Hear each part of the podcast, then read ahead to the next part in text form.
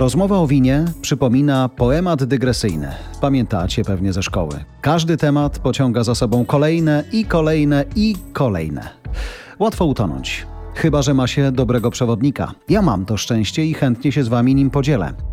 Piotr Kamecki to człowiek, który potrafi opowiadać o winie z pasją, a jednocześnie klarownie i rzeczowo. Od tylu lat i jeszcze mu się nie znudziło.